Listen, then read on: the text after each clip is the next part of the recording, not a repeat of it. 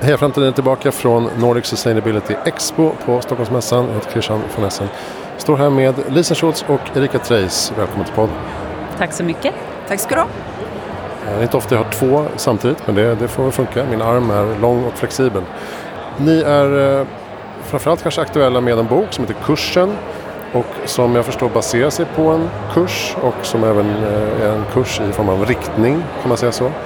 Ehm, sammanfattningsvis. Mycket bra sammanfattning tycker jag, det är alldeles riktigt. Nej, men, eh, du, du, du får nästan ta den här frågan Lisen därför att det är du som lite är upphovskvinnan till att eh, snart två tredjedelar av Sveriges näringsliv faktiskt har lärt sig om klimatet och är i full färd med att ställa om. Okej, okay, då börjar vi där. Lisa, din bakgrund och vad har lett fram till eh, kursen?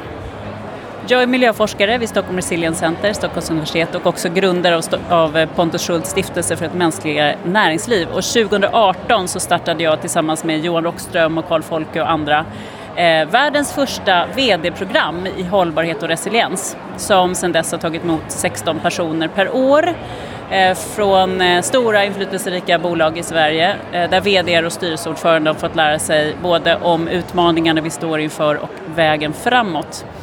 Och sen eh, har jag känt rika Trace under många år och vi kom på för några år sedan att vi borde skriva en bok om det här så att fler får den här kunskapen men framförallt också att fler ser att de här jättarna har börjat röra på sig. Vi tror att det ger kraft till fler. Ja, just det. Kan du också se det som, som journalist på Svenska Dagbladet att eh, det händer mer än någonsin? Ja men, ja men det gör det ju absolut och det tycker ju vi är otroligt viktigt att faktiskt adressera. Att eh, vi i media har ju varit väldigt duktiga på att plocka fram rapporter och förklara att, att det är en kris som pågår och vi har visat väldigt många isbjörnar på olika typer av isflak sedan 70-talet faktiskt. Eh, och det är ju också en sann berättelse som måste förklaras och också visas upp. Men det är ju långt ifrån den enda berättelsen och det är kanske inte heller bara den sanna berättelsen just nu utan det vi ser är ju att inte minst företagen, de ställer om. Och de, gör det inte bara för att de har gått polisens eminenta kurs utan de gör det också av den enkla anledningen att de så här, follow the money. Alltså de ställer om därför att det nya näringslivet det är hållbart och det ser de stora bolagen och där kan man väl också tänka att som journalist vad, vad kan man bidra med? Eh, I mitt fall så var det snarare då att, att lite grann eh, pausa mitt skrivande i Svenska Dagbladet för att då jobba närmare Lisen och för att göra den här boken och för att vi också kan nu föreläsa om det och se till att, ja, att folk lyssnar på ett annat sätt när man har vetenskapen med sig. Och kan man eh, sammanfatta själva grundprinciperna i kursen? kursen? Det första är att det bygger på forskning och det andra är att vi eh, har dialoger, vi skapar så goda förutsättningar som möjligt för dialog mellan de här eh, cheferna som kommer från olika branscher och olika bolag och forskarna som kommer från allt från klimat, ekologi till ekonomi, cirkulär ekonomi, transformationsforskning och så. Tanken är att man får den här kunskapen och sen får man brottas med den tillsammans och kalibrera sin väg framåt både mot vetenskapen och mot de andra ledarna i rummet. Så det blir väldigt öppna och bra samtal och utifrån det så kommer handling. Sen ger inte vi något recept på hur ska man agera. För att hur man agerar beror väldigt mycket på vem man är, vilken bransch man befinner sig i, vad, vad man kan bidra med och hur man kan bidra på ett sätt som också utvecklar företaget. Men vi skapar den här grunden, gemensamma förståelsen och eh, det nyfikna samtalet. Jag gillar också att du sa hållbarhet och resiliens. Alltså det handlar inte bara om att, eh, att reducera koldioxidutsläpp utan det handlar också om att skapa resiliens för att kunna hantera klimatförändringar som trots allt pågår. Är det så båda tankar i huvudet?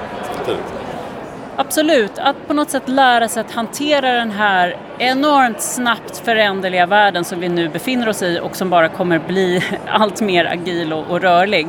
Och då handlar det om att bygga resiliens, förmågan att klara av störning, förändring, kunna vidareutvecklas, leva vidare i en värld som, som förändras på tusen olika sätt samtidigt. Så det är lika stor del av, av programmet som, som klimatfrågan. Eh, Erika, du som sagt tjänstleder nu eh, men du kanske inte kan uttala dig för mycket om, om eh, nyhetsmedia men finns det ett problem i eh, själva nyhetsdramaturgin att eh, man hela tiden letar efter det värsta som har hänt under dygnet och istället kanske glömmer bort att visa det bästa som händer bakom kulissen? Ja, om man börjar med att knyta an till det Lisen sa, att vi lever i en föränderlig värld, så har det ju kanske framförallt varit så att den här krisen har varit liksom lågmäld, eller åtminstone mindre eh, högt skrikande än både coronakrisen och nu eh, kriget i Ukraina.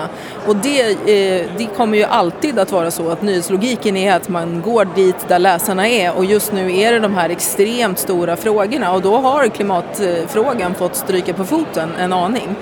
Men det är också därför som vi vill gå vidare nu med det som, alltså från den här boken som vi jobbade med till att också samla de här berättelserna. För om det är någonting som journalister är bra på generellt och författare också förstås, så är det ju att hitta den här berättelsen som också påverkar människor. Och det gör man ju på ett sätt genom att skrämmas eh, eller att vara väldigt tydlig med de risker som faktiskt finns. Men man gör det ju också med att tända en eld där man vill sitta, där man tror att det finns en framtid. Och nu så går vi vidare då från vår bok till att eh, göra en vetenskaplig studie där vi helt enkelt intervjuar de stora företagsledarna Eh, för att hitta deras eh, förändringsbenägenhet helt enkelt. Ja, det är ju du som är ansvarig för den Lisen. Du får säga vad du hoppas att jag ska få fram i de här intervjuerna.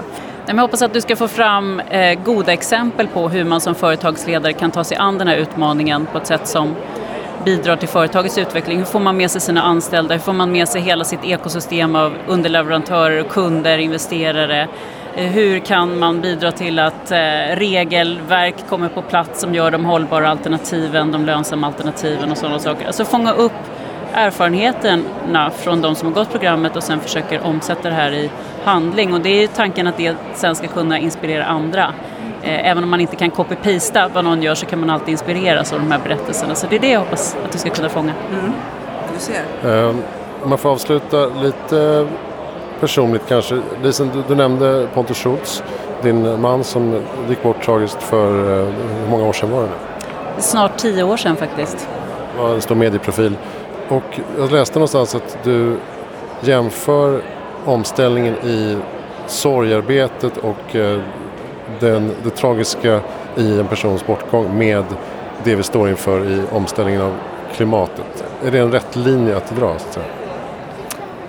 Ja, alltså det är svårt att inte som forskare inom resiliens också lägga de glasögon på sitt eget liv och eh, det var väldigt slående för mig när det här hände mig att, att Pontus försvann mitt i steget, mitt i livet att de saker som vi hade sett bygger resiliens i vad vi kallar för socialekologiska system, också bygger resiliens hos en människa. Nämligen eh, relationer till andra som kan komma, komma och fylla på liksom, med, med kärlek och resurser på olika sätt. Eh, också att, att fortsätta ha en riktning i sitt liv som kanske blir ännu starkare, ännu viktigare när man står eh, mitt i en kris. Eh, och också kraften som finns i livet.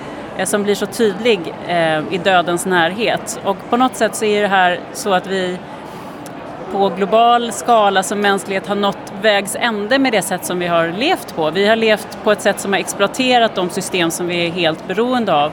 Nu är den vägen slut, måste vi hitta en annan. Den, den här klimatkrisen som vi står inför kan ju bli en möjlighet i att finna ett bättre sätt att samarbeta med varandra och planeten så att vi kan fortsätta leva här i många generationer framåt. Ja, det var en bra avslutning. Eh, tack snälla Lisa Schultz och Erika Treis för att ni kom till Heja Framtid. Tack. Tack ska du ha. Och eh, kolla in boken och kursen som heter Kursen som finns på webben.